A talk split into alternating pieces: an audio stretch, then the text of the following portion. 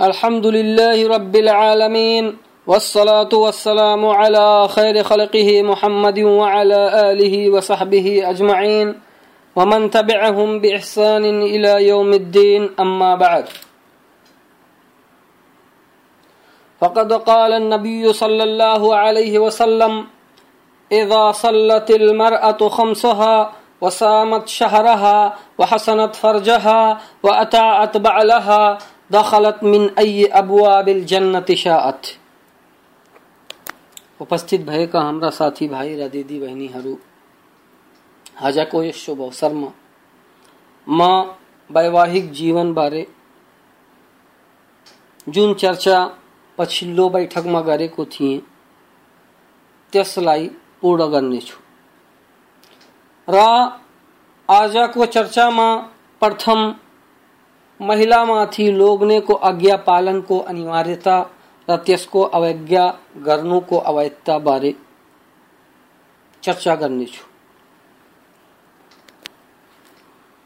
अल्लाहसित विन्ती छ कि अल्लाह मलाई सत्य भन्ने र सत्य बमोजिम कार्यरत रहने, सो अवसर प्रदान गरौँ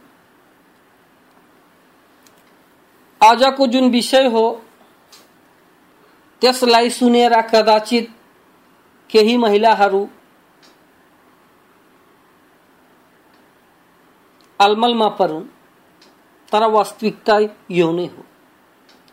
तर यसको अर्थ यो पनि होइन कि लोग्ने माथि कुनै दायित्व छैन। छ। तर इस्लामले लोग्ने र महिला दुवैलाई केही हक अधिकार दिएको छ र सबैको साथ न्याय र निसाफ गरेको छ यदि तपाईँ त्यसलाई पूर्ण रूपले अध्ययन गर्नुहुन्छ भने तपाईँले यो थाहा भइहाल्छ कि जसरी महिलाको लागि इस्लाममा अधिकार छ, उस्तै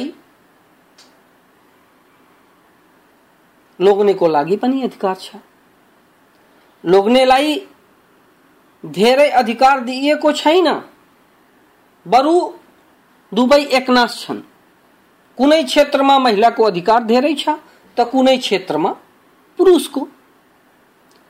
र कुन क्षेत्रमा कसलाई कति अधिकार दिने, यो त्यस स्रष्टा, त्यस प्रतिपालक भन्दा अधिक ज्ञानी को हुन सक्छ। जसले हामी सबैलाई सृष्टि गरेको छ। यसले लोग्नेको आज्ञा पालन गर्ने विषयमा तपाईँहरू चिन्तित नहुनुहोस् बरु अल्लाहले भने झै कार्यरत हुनुहोस् किनकि यो नै सत्य मार्ग हो। यसैद्वारा वैवाहिक जीवन आनन्दमय हुन्छ। दुवै बीच प्रेम भाव उत्पन्न हुन्छ यसको अर्थ यो होइन कि लोग्ने तपाईँको सम्मान गर्दैन। लोग्ने माथि पनि यो अनिवार्य छ कि आफ्नो स्वास्नीको सम्मान गरोस्, त्यसको हक अधिकारको ख्याल राखोस्। तो अब म यस विषयबारे चर्चा गर्न आरंभ गर्छु। हे मुस्लिम महिला, तिमी माथि अनिवार्य छ कि तिमी न्याय उचित तरिकाले आफ्नो श्रीमानको आज्ञा पालन गर इस्लामले के भनेको छ? न्याय उचित तरिकाले अनुचित तरिका होइन यानि कुनै कुनै मान्छे तपाईँसित अनुचित कार्य गराउन चाहन्छ भने त्यसको आज्ञा पालन गर्नु जायज़ छैन। यसले गर्दा यो शर्त राखिएको छ। न्यायोचित तरिकाले आफ्नो श्रीमानको आज्ञा पालन गर्नु। हज़रत अबू हुरैरा रजियल्लाहु अन्हु को वर्णन छ कि रसूल सल्लल्लाहु अलैहि वसल्लमले भन्नुभयो, इजा सल्लतिल मरअतु खम्सहा जुन हदीस मैले अघि नै पढेको छु, त्यसको अर्थ यो हो, जब महिला पांचौं बखत को अनिवार्य नमाज़ को आयोजना गरोस् र रमज़ान महीना को व्रत बसोस् र आफ्नो गुप्तांग को रक्षा गरोस्, सुरक्षा गरोस् र आफ्नो लोग्नेको आज्ञा पालन गरोस् ता त्यो स्वर्ग को जुन ढोकाबाट चाहोस् प्रवेश गर्न सक्छ। यसलाई इब्न हिब्बानले आफ्नो सहीमा वर्णन गर्नुभएको छ। त यसबाट यो प्रश्न हुन्छ कि आफ्नो लोग्नेको आज्ञा पालन गर्नु अर्थात स्वर्गमा प्रवेश गर्नु सरल छ। र अबु हुरैराको माध्यमले नै वर्णन छ कि रसुल सल्लाह वसलमले भन्नुभयो महिलाको लागि भए छैन कि आफ्नो श्रीमानको उपस्थितिमा बिना त्यसको अनुमति व्रत बसोस्। र न त बिना त्यसको अनुमति कसैलाई त्यसको घरमा प्रवेश गर्ने अनुमति दियोस्। यो व्रत अनिवार्य व्रत होइन बरु यसको अर्थ हो नफिली व्रत बुखारी हदीस नंबर चार हज़ार आठ सौ निन्यानबे अध्याय अन्निका मुस्लिम हदीस नंबर एक हज़ार छब्बीस, अध्याय अजकात र अबु हुरैराबाटै वर्णित छ कि रसूल सल्लल्लाहु अलैहि वसल्लमले भन्नुभयो जब महिलालाई त्यसको श्रीमान ओछ्यान तरफ़ बोलाओस् अनि त्यो नजाओस् र यसै कारण त्यसको श्रीमान त्यसबाट क्रोधित भएर रात्रि व्यतीत गरोस्, त बिहान नहुन्जेल स्वर्गदूतहरू त्यस महिलामाथि तिरस्कार पठाउँदै रहन्छन्। बुखारी हदिस नम्बर तीस हज़ार पैंसठ, अध्याय बद उल खल मुस्लिम हदीस नंबर एक हज़ार चार सौ छत्तीस, अध्याय अन्निका र बुखारी यो मुस्लिमको एउटा अर्को हदिसमा छ कि रसूल सल्लल्लाहु अलैहि वसल्लमले भन्नुभयो वल्लजी नफ्सी बियदिही मा मिन रजुलिन यदउ इम्राअतहु इला फिराशी फतअबा अलैहि। इल्ला कान लदी फ़ी समाई साखितन अलैहि हत्ता यरदा अन्हु। अर्थात त्यसको शपथ जसको हातमा मेरो प्राण छ, अर्थात अल्लाहको शपथ कुनै पनि यस्तो मानिस होस्, जुन आफ्नो श्रीमतीलाई आफ्नो ओछ्यान तरफ़ बोलाओस्, अनि त्यो आउनुबाट मनाही गरोस् भने, त्यस महिलामाथि त्यो अल्लाह, जुन आकाशमा छ क्रोधित रहन्छ यहाँसम्म कि त्यसको श्रीमान त्यससित राज़ी भइहालोस् मुस्लिम हदिस नम्बर एक हज़ार सात सौ छत्तीस, अध्याय अन्निका। र लोग्नेको त्यसको श्रीमतीमाथि यो हक पनि छ कि त्यसको श्रीमती त्यसको घरको रेखदेख र व्यवस्थापन गरोस् र बिना त्यसको अनुमति त्यसको घरबाट ननिस्कोस् अल्लाहको रसुलको फरमान छ वलमरअतु राइयतुन फ़ी बैत ज़ौजिहा व मसऊलतुन अन रइयतिहा महिला व्यवस्थापक हो। त्यससित यसबारे अध्याय अल जुमुआ मुस्लिम हदीस नंबर एक हज़ार आठ सौ उन्तीस अध्याय अल इमारा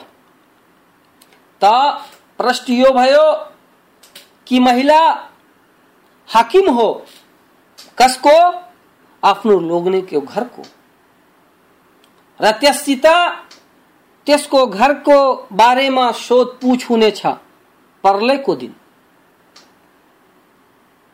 र त्यसमाथि लोग्नेको यो हक पनि छ कि त्यो त्यसको लागि भोजनको व्यवस्था गरोस्, अर्थात् भोजन तयार गरेर पेश गरोस्, ताकि त्यो कुनै नोकरानी, अर्थात् महिला सेवक ल्याउनुमा बाध्य नहोस्, र अरू घरका कार्यहरूलाई गरोस् ताकि नोकरानीको कारण त्यसलाई र त्यसका सन्तानहरूलाई कुनै कष्ट भोग्नु नपरोस्। जस्तो कि खाडीका देशहरूमा तपाईँहरूलाई थाहै होला के कस्तो हुन्छ, घरमा कसरी बिगार हुन्छ मात्रै नौकरानीको कारण। शेखुल इस्लाम इब्न तैमिया मजमू फतावा को भाग पाँच, पेज एक सौ अट्ठासी, एक सौ नवासी में भंछन कि अल्लाह को फरमान छ फस्वालिहातु कानितातुन हाफिजातुन लिलगैबि बिमा हफिजल्लाह। अतः, जो सत्यवती र आज्ञाकारिणी स्वास्नी छिन् तिनीहरूले आफ्नो पतिको अनुपस्थितिमा अल्लाहको रक्षामा तिनको मर्यादाको रेखदेख गर्दछिन् सुरतुन्निसा श्लोक चौतिस। त अल्लाहको यो कथन महिलामाथि यो अनिवार्य गर्नुमा प्रमाणीकरण गर्छ। कि त्यो त्यसको आज्ञा पालन गरोस् र त्यसको सेवा सत्कार गरोस्, त्यसको साथमा यात्रा गरोस् र त्यससँग बिना आनाकानी र बहाना सहवास आदि गरोस्। जस्तो कि यसमाथि रसुल सल्लाह को कथन पनि प्रमाणीकरण गर्दछ। र अल्लामा इब्नुल कयीम रहमहुल्ला हदी को भाग पाँच, पेज एक सौ अठासी एक सौ नवासी मा भन्नु हुन्छ कि जसले पनि यस अनिवार्यता को प्रमाण लिएका छन्, उनीहरू निकट सेवा गर्नु नै त्यो न्याय उचित कार्य हो जसको अल्लाहले आदेश गरेका छन्। र यदि मान्छे महिलालाई आराम दिएर स्वयं त्यसको सेवा सत्कार गरोस्, र घरका बर्तन भाँडा सफ़ा गरोस्, र रोटी पिठो बनाओस्, र लुगा कपडा सफ़ा गरोस् भने यो नै अनुचित कार्य हो। अल्लाहको फरमान छ, वलहुन्न मिस्लुल्लजी अलैहिन्न बिल मारूफ। स्वास्नीलाई पुरुषहरूमाथि अधिकार उस्तै छ, जस्तो पुरुषहरूलाई छ। सुरतुल बकरा, श्लोक दुई सौ अठासी र, दुई सौ अठाइस र अर्को ठाउँमा अल्लाहको फरमान छ, अर्रिजालु कव्वामुन अला निसा। सुरतुल श्लोक चौतिस। पुरुषहरू स्त्रीहरूका संरक्षक, संवर्धक हुन्। र जब महिला त्यसको सेवा सत्कार गर्दैन। बरु मान्छे नै त्यसको सेवा सत्कार गरिरहेको हुन्छ र त्यसमाथि खर्च पनि गरिरहेको हुन्छ। यहाँसम्म कि भन्छन्, अल्लाहले यसको, त्यसको खानपान र लुगा फाट र व्यवस्थापनको भारी लोग्ने माथि मात्र त्यस लाभ र सेवाको मुकाबिलामा नै अनिवार्य गरेको छ, जुन मान्छे महिलाबाट प्राप्त गर्छ जुन त्यस देश र समाजमा प्रचलित हुन्छ, मान्छे नै त्यसको सेवा सत्कार गरिरहेको छ र त्यसमाथि खर्च पनि गरिरहेको छ। यहाँसम्म कि भन्छन्, अल्लाहले त्यसको खानपान र लुगा फाट र व्यवस्थापनको भारी लोग्ने माथि मात्र त्यस लाभ र सेवाको मुकाबला नै अनिवार्य गरेको छ, जुन मान्छे महिलाबाट प्राप्त गर्छ, जुन त्यस देश र समाजमा प्रचलित हुन्छ। र इस्लाममा यस्ता खालका वैवाहिक समस्याहरूमा त्यहाँ प्रचलित रीतिलाई नै मान्यता प्रदान गर्छ। र यसमा सामाजिक रीति यो नै हो कि महिला आफ्नो पतिको सेवा सत्कार गर्नुको साथै घरलाई व्यवस्थापित, व्यवस्थित पनि गरोस्। र अगाडि भन्छन् कि यस कुरामा सम्मानित महिला तल्लो दर्जाको महिला, समृद्ध र निर्धन महिला बीच कुनै भेदभाव र भिन्नता छैन। किनकि हज़रत फातिमा पूर्ण संसारकी सर्वोत्कृष्ट महिला हुन् जुन कि आफ्नो पति अलीको सेवा सत्कार गर्नुको साथै घरको व्यवस्थापन र जतन पनि गर्थिन् र घरको व्यवस्थापनबाट उत्पीडित र हैरान भई रसुल सल्लाह गुनासो गरेका थिइन्। र उहाँ सल्लाह वसलमसित एउटा सेवकको माग गरेका थिइन्, तर उहाँ सल्लाह वसलमले उनको यो गुनासो स्वीकार गरेका थिएनन्। त प्रश्न यो भयो कि घरको जतन, खाना, कपडा आदिको व्यवस्था आदिलाई सफ़ा गर्नु, खाना पकाउनु, त्यसलाई पेश गर्नु, यो लोग्नेको कार्य होइन। यो लोग्नेको दायित्व सीमामा आउँदैन। बरु यो महिलाहरूको कार्य हो। यदि कुनै मान्छे यी समस्त कार्यहरूलाई गरेर महिलालाई आराम दिन्छ भने त्यो नियम विपरीत कार्य गरिरहेको छ। यो न्याय उचित कार्य होइन। बरु यो सीमा अतिक्रमण हो। यो सीमा उल्लङ्घन हो। यसले गर्दा महिलाहरूलाई चाहियो कि आफ्नो दायित्वलाई बुझुन् र आफ्नो लोग्नेहरूसित यी समस्त कार्यहरूलाई गराएर पापको अधिकारी नबनुन् एउटा प्रश्न छ कि जब महिला आफ्नो पतिलाई आफूमा रुचिकर नहेरोस् र त्यो त्यसै पतिसँग जीवन व्यतीत गर्ने इच्छुक होस् भने यस्तो अवस्थामा के गरोस्? यसको समाधान कसरी गरोस्? यसको उत्तर छ, अल्लाहको यस फरमानमा। वइन इम्राअतुन खाफत मिन बालिहा नुशूजन औ इरादन, फला जुनाह अलैहिमा अन युस्लिहा बैनहुमा सुल्हन वसुल्हु खैर। यदि कुनै स्त्रीलाई आफ्नो लोग्नेबाट अन्याय वा लापरवाहीको भय छ भने, लोग्ने स्वास्नीले आपसमा जे सम्झौता गर्दछन् दुवैलाई कुनै गुनाह छैन। र समझदारी र समझदारी बहुत राम्रो कुरो हो। सुरतुल निशा श्लोक 128 हाफिज इब्ने कसीर को भनाई छ कि जब आ महिला यो महसूस गरोस कि त्यसको पति त्यससित घेरा गर्न थालेको छ। वा त्यसबाट विमुख भइरहेको छ। त त्यसलाई चाहियो कि त्यस महिलाको त्यसको पतिमाथि भएको अधिकारलाई लिनु त्यागोस्। जसरी खर्च लुगाफाट आदिलाई। त्यसबाट नलिकन त्यसलाई यसमा स्वतन्त्रता दिएर त्यसको हृदयमा स्थान बनाउन खोजोस्। र पतिलाई यो कुरा स्वीकार गर्नुमा कुनै आपत्ति छैन। त्यसलाई चाहियो कि आफ्नो पत्नीबाट यो उपकार स्वीकार गरोस्। किनकि अल्लाहको फरमान छ फला जुनाह अलैहिमा अन युस्लिह बैनहुमा सुलहन व सुलह खैर।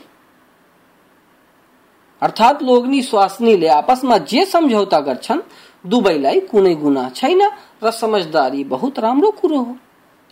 अर्थात दुवैले एक अर्कासित सुलह गरेर बस्नु पार पाचुके भन्दा उत्तम छ। अनि सौदा बिन्ते जमाको कथनलाई वर्णन गर्नु भएको छ। कि जब सौदा बिन्ते जमा रज़ी अल्लाह वृद्ध र रसूल सल्लल्लाहु अलैहि वसल्लमले उनीसित सम्बन्ध विच्छेदको मन बनाए, त उनले रसूल सल्लल्लाहु अलैहि वसल्लमसित यसरी सुलह गरिन् कि उनलाई आफू निकट नै राखुन्। र उनी आफ्नो पालो रात्रि व्यतीत गर्ने पालो हज़रत आइसा रज़ी अल्लाह अन्हालाई प्रदान गरिदिन्छन्। त रसूल सल्लल्लाहु अलैहि वसल्लमले यस प्रस्तावलाई कबुल गरी आफ्नो वैवाहिक बन्धनमा नै उहाँलाई राखे। हेर्नुहोस् तफसिर, इब्ने कसीर, भाग दुई, पेज चार सौ दो। अन्तिम प्रकाशन। अर्को प्रश्न के छ भने, यदि महिला आफ्नो पतिलाई मन नपराओस् त्यससित घृणा गरोस् र त्यससँग रहन नचाहोस् त महिला के गरोस् त यसको उत्तर अल्लाहको यस फरमानमा निहित छ फइन खिफ्तुम अल्ला युकीम हुदूद अल्लाह फला जुनाह अलैहिमा फ़ी मफ्तदत बिही।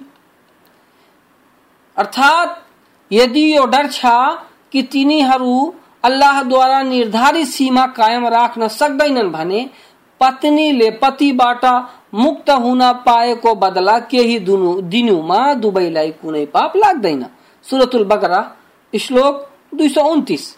हाफिज इब्ने कसीर आफ्नो तफसिरको भाग एक पेज चार सौ तिरासीमा भन्छन् र यदि पति पत्नी बीच बिगार उत्पन्न भइहालोस् र महिला पतिको हक अधिकार पूर्ण नगरोस् बरु त्यसलाई यति घृणा गरोस् कि त्यसको साथमा जीवन व्यतीत गर्न नचाहोस् त त्यसको लागि उचित यो नै छ कि त्यसले दिएको मुहर, मेहर त्यसलाई फर्काओस्। र पार पाचुके ल्याओस् र यस्तो गर्नुमा पत्नीमाथि कुनै आपत्ति छैन। न त पतिमाथि नै कुनै आपत्ति छ। कि त्यसलाई स्वीकार गरेर पत्नीलाई विवाहको बन्धनबाट मुक्त गरोस्। र यसलाई अरबीमा खुला भनिन्छ। र अर्को प्रश्न के छ भने, जब महिला अकारण पतिसित पार पाचुकेको माग गरोस्, त त्यसमाथि कस्तो दण्डको चेतावनी पर्नेछ। दुई अवस्था त हामी वर्णन गरे। जसमा दुवै सुलह गरिहाल्छन् पहिलामा केही अधिकार त्यागेर महिला त्यसै साथ रहोस्। दोस्रो अवस्था यस्तो वर्णन गरे कि यदि त्यो आफ्नो लोग्ने साथ रहन स्वीकार्य गर्दैन भने जुन महर मान्छेले त्यसलाई दिएको छ, त्यो त्यसलाई फिर्ता गरेर पार पाचुके पार पाचुकेली आफ्नो सम्बन्ध, त्यससित विच्छेद गरोस्।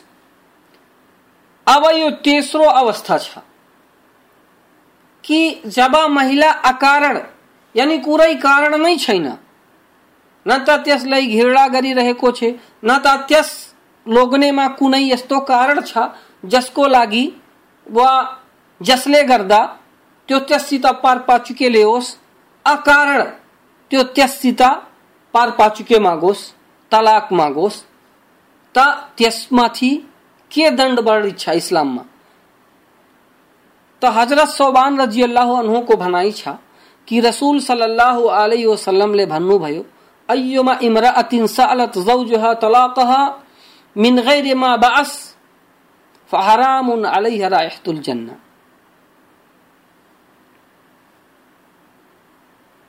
अर्थात जुन महिलाले पनि अकारण आफ्नो पतिबाट पार पा चुकेको माग गरोस् त त्यसमाथि स्वर्गको सुगन्ध पनि हराम छ।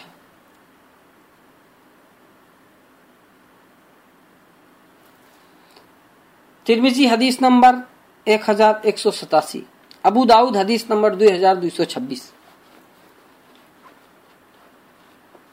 र यो यस कारण किनकि अल्लाहको दृष्टिमा सबैभन्दा घृणित वैध कार्य पार पाचुके हो र यसलाई तबसम्म कार्यान्वयनमा ल्याउनुहुन्न जबसम्म कि यसको निकै आवश्यकता नआइपरोस् र यसको कुनै अर्को विकल्प विकल्प बाँकी नरहोस्।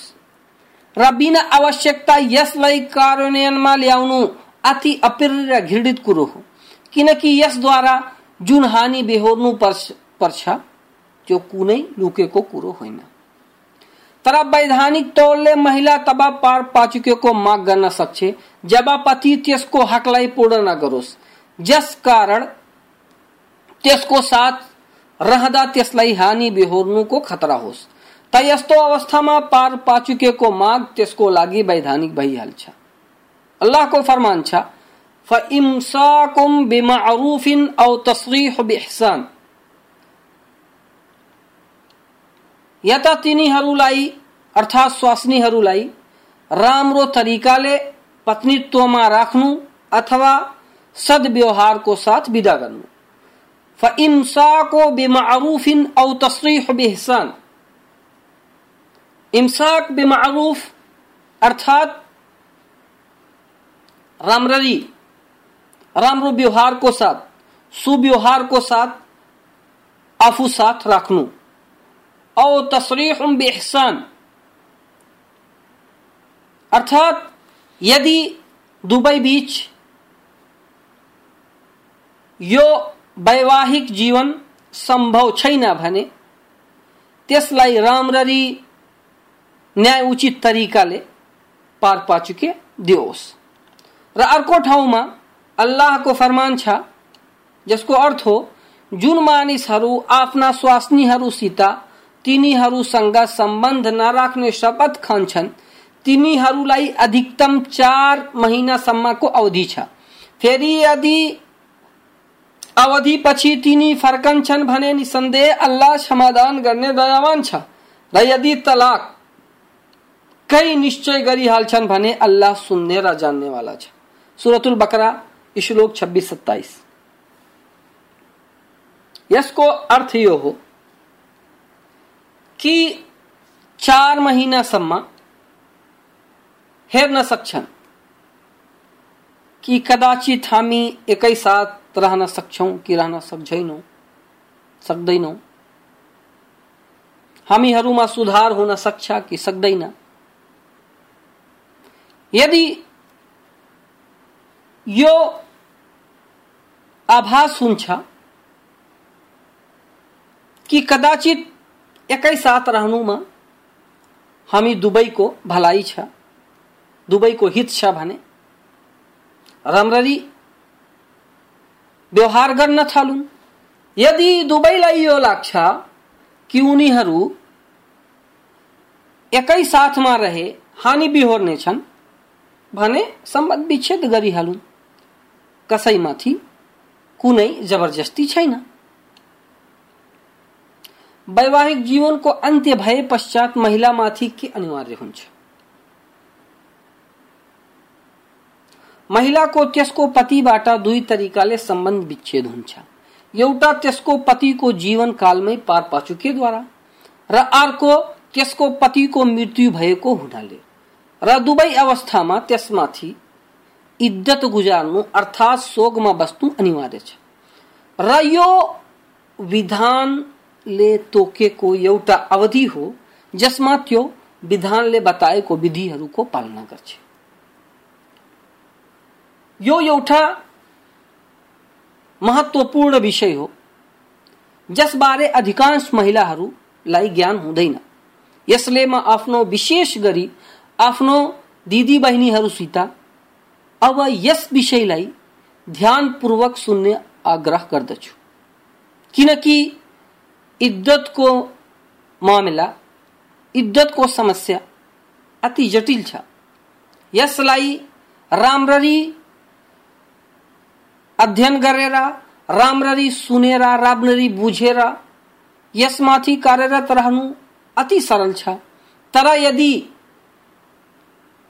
यसबारे ज्ञान छैन भने यो अति जटिल समस्या हो। यसले गर्दा तपाईँहरू यसमा ध्यान दिनुहोस् र इद्दतको तत्वदर्शिता यो हो कि त्यसको पति त्यो अवधि बिते पश्चात त्यसको लागि हराम भइहाल्छ।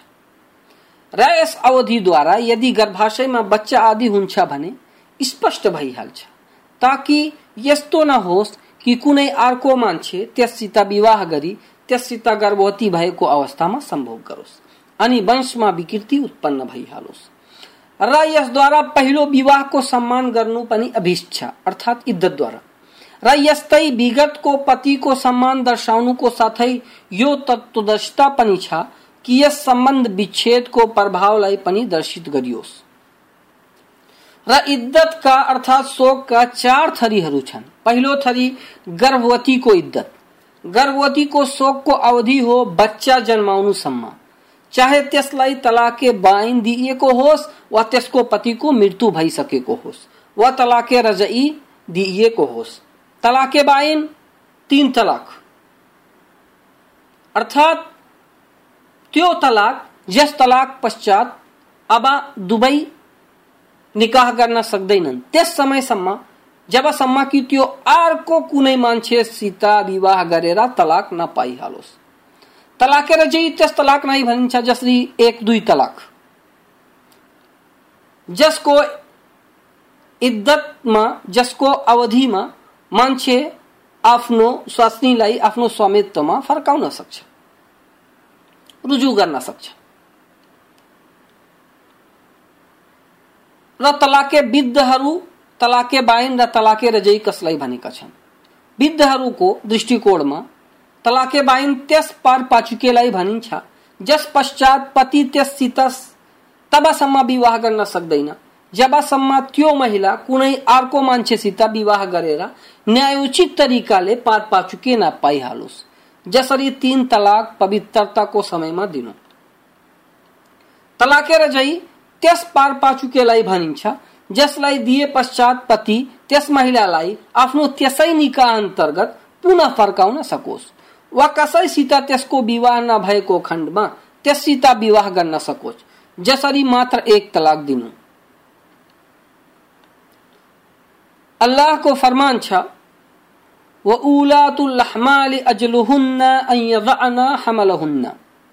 अर्थात र गर्भवती इद्दत शिशु पर्सोसम्म हो शिशु जन्माउनुसम्म हो। सुरत तलाक, श्लोक नंबर चार।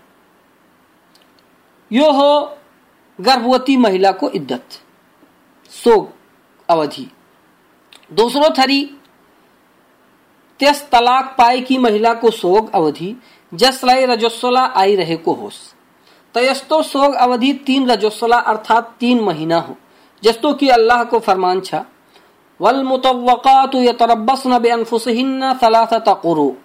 तलाक प्राप्त स्वास्नी मानिसले आफूलाई तीन पटक रजस्वला आउनुसम्म रोकिराखुन् सुरतुल बकरा, श्लोक दुई सौ अठाइस तेस्रो थरी, जसलाई रजस्वला आउँदैन। र यस थरीका दुई प्रकार छन्। एउटा सानो बालिका, जसलाई अहिलेसम्म रजस्वला आएकै छैन। र दोस्रो त्यो महिला, जसलाई वृद्ध हुनको कारण रजस्वला आइरहेको छैन। त अल्लाहले यी दुवै किसिमको इद्दतलाई यसरी वर्णन गरेका छन्। वल्लाइ यस्ना मिनल महिद मिन निसाइकुम, इन इर्तबतुम फइद्दतुहुन्न थलाथतु अशहुरिन वल्लाइ लम यहिदन। तिम्रो तलाक दिइएका स्त्रीहरू जो मासिक धर्मबाट निराश भइसकेका छिन्, यदि तिमीलाई शङ्का छ भने इद्दत तीन महिना छ। र जसलाई अझै मासिक धर्म आउन थालेको छैन। उनीहरू उनीहरूको पनि यही नै इद्दत हो। सुरत तलाक, श्लोक चार। अर्थात दुबईको शोकको अवधि तीन महिना हो। चौथो थरी, जसको पतिको मृत्यु भइसकेको होस्। त अल्लाहले यसको शोक अवधि यसरी वर्णन गरेका छन्।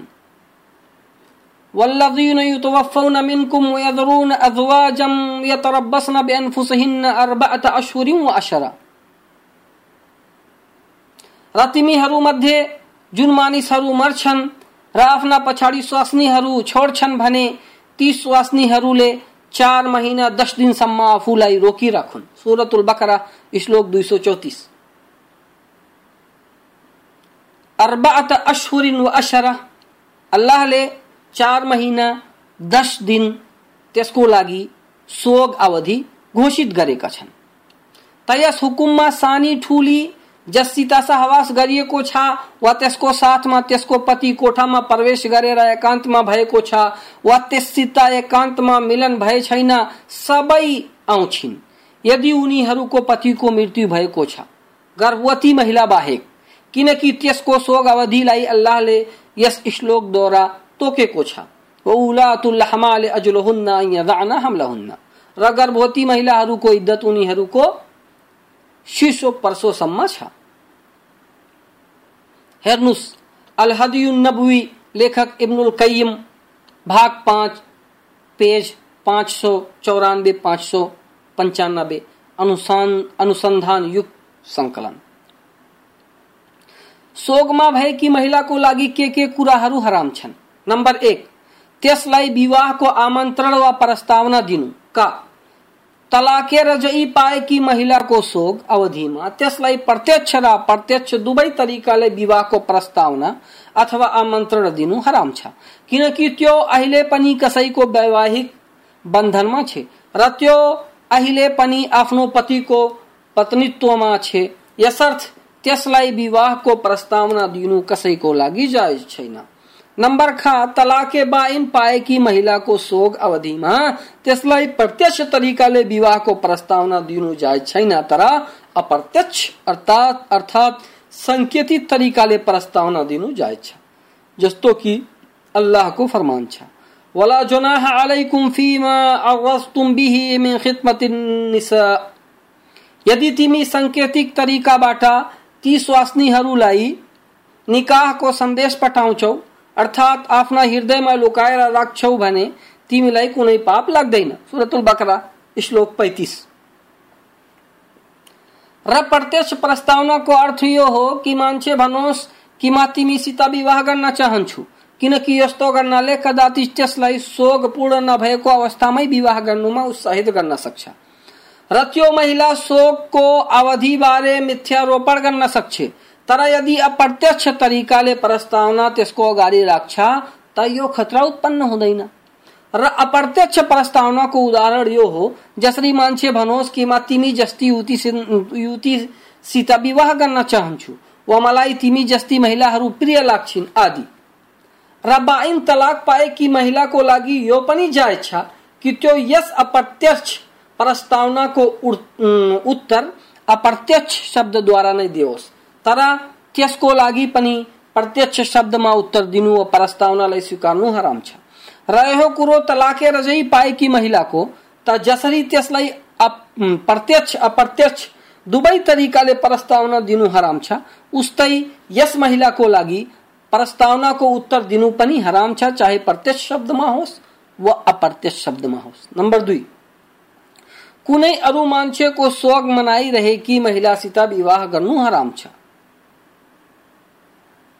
अल्लाह को फरमान छ, अर्थात र जबसम्म इद्दतको अवधि पूरा हुँदैन निकाहको दृढ अटोट नगर्नु सुरतुल बकरा, श्लोक दुई सौ पैंतिस। इब्ने कसीर आफ्नो तफसिरको भाग एक, पाँच सौ नब्बे पेजमा भन्छन्, यसको अर्थ हो कि तिमीहरू इद्दतमा भएकी महिलासित विवाह तबसम्म नगर जबसम्म त्यो शोकको अवधिलाई पूर्ण नगरोस् र वृद्धहरूको यस कुरामा एकमत छ कि शोकको अवधिमा विवाह गर्नु दुरुस्त छैन।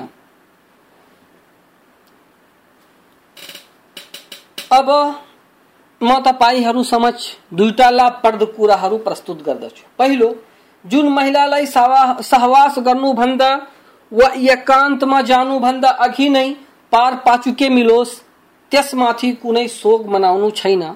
किनकि अल्लाहले कुरानमा त्यसको अवस्था यसरी वर्णन गर्नु भएको छ, जसको अर्थ हो, हेम इमानवालाहरू जब तिमी इमानवाली स्त्रीहरूसँग विवाह गर्दछौ फेरि उनीहरूलाई स्पर्श गर्नुभन्दा अगाडि नै तलाक दिन्छौ भने तिम्रो निम्ति उनीहरूमाथि कुनै इद्दतको अधिकार छैन, जसको तिमी गन्ती गर।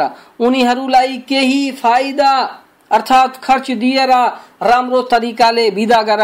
सुरतुल अहजाब, श्लोक 49 इब्ने कसीर आफ्नो तफसिरको भाग पाँच उन्यासी में भन्छन् यस कुरामा समस्त विद्धहरूको एकमत छ कि जब महिलालाई एकान्तमा मिल्नुभन्दा अघि नै तलाक दिइयोस् भने त्यसमाथि कुनै इद्दत छैन, कुनै शोक छैन।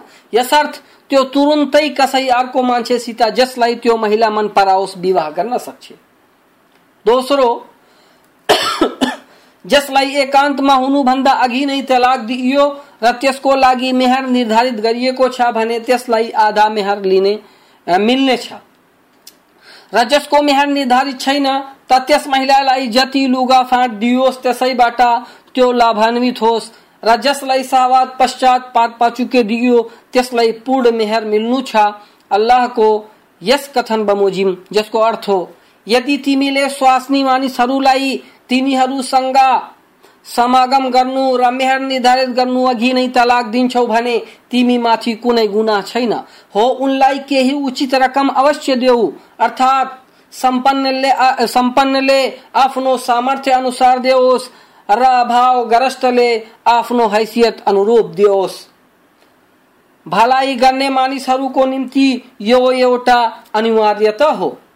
र यदि तिमीले स्वास्नीहरूलाई समागम गर्नु अगाडि तलाक दिन्छौ, तर मेहर निश्चित गरिसकेका छौ भने निर्धारित रकमको आधा दिइहाल्नु। सुरतुल बकरा, श्लोक दुई सौ छब्बिस, दुई सौ दुई सौ छत्तिस, दुई सौ सैतिस।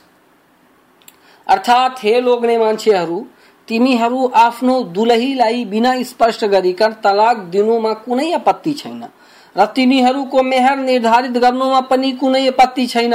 यद्यपि यस्तो गर्नुमा उनीहरूलाई अपमानित गर्नु सरस छ, तैपनि यसको भरपाई तिमीले तलाक पश्चात दिनेछौ। र दिने विधि यो हो कि मान्छेको अवस्था अनुसार त्यो त्यसलाई प्रदान गरोस्, जस्तो कि त्यस समाजमा चलन होस्। र यदि त्यसले मेहर निर्धारित गरेको छ भने पूर्ण मेहरको आधा त्यस महिलाको हक हो, त्यो हक त्यसलाई दिनै पर्छ। र हाफिज इब्ने कसीर आफ्नो तफसिरको भाग एक पेज पाँच सौ बाह्रमा की मेहर लाई आधा आधा गर्नु यस्तो कुरो हो जसमा समस्त विद्धहरूको एक मच्छा। अर्थात् आधा मेहर महिलालाई दिइन्छ र आधा लोग्ने मान्छेलाई नम्बर तीन, शोक मनाइरहेकी महिलामाथि पाँच कुराहरू वर्जित छन्। जसलाई अरबीमा अलहिदात भनिन्छ। पहिलो, समस्त प्रकारका सुगन्धहरू प्रयोग गर्नु वर्जित छ।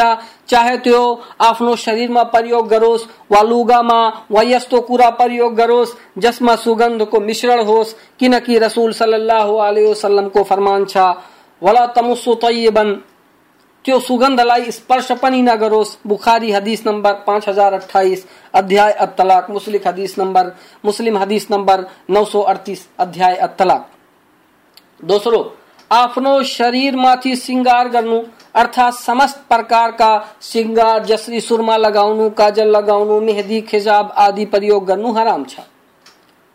र यस्तै समस्त प्रकारका मेकअपहरू वर्जित छन्।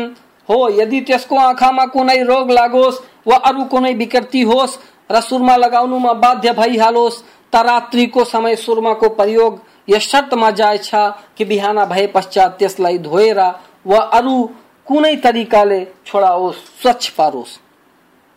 र यदि सुरमा बाहेक कुनै अरू वस्तु छ, जसद्वारा सिङ्गार गरिन्न भने, त्यसलाई लगाउनुमा र त्यससित चिकित्सा गर्नुमा कुनै आपत्ति छैन। तेस्रो सिङ्गारको लागि बनाइएको पोसाक लगाउनु पनि हराम छ।